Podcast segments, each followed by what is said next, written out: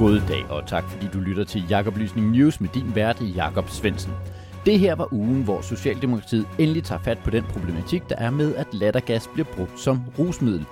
Vi har talt med rusmiddelekspert Sten Erland, som var særlig rådgiver for Socialdemokratiet netop i forhold til det her forslag.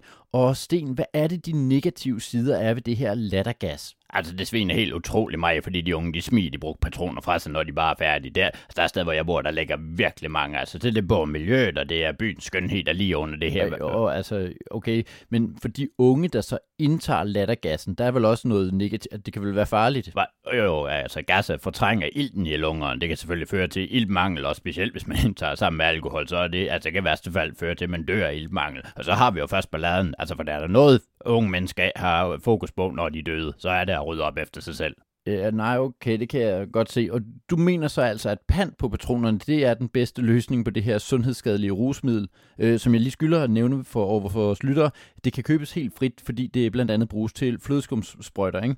Men hvorfor egentlig ikke bare forbyde unge at købe de her lattergaspatroner? Ja, jo, det ville øh, Socialdemokraterne faktisk først først selv, men det forslag, det er både regeringen og Dansk Folkeparti imod, fordi, som du selv siger, så bruger man til flødeskum, og med den stigende interesse, der er for vild med bagdøstprogrammer der, ja, så er der simpelthen bare mange unge, der bager. Ja, det vil være politisk selvmord og, og få det gøre det svært for, for, for, unge, for unge mennesker at få kage. Let dem eat cake. Det har altid været det politiske pejlemærke.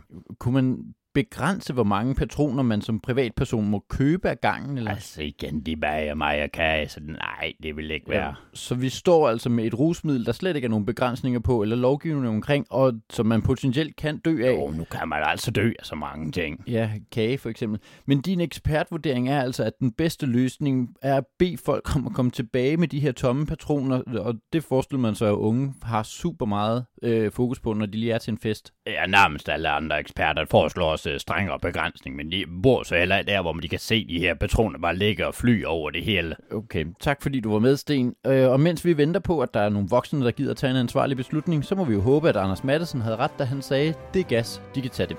Tak fordi du lytter til Jakob Lysning News.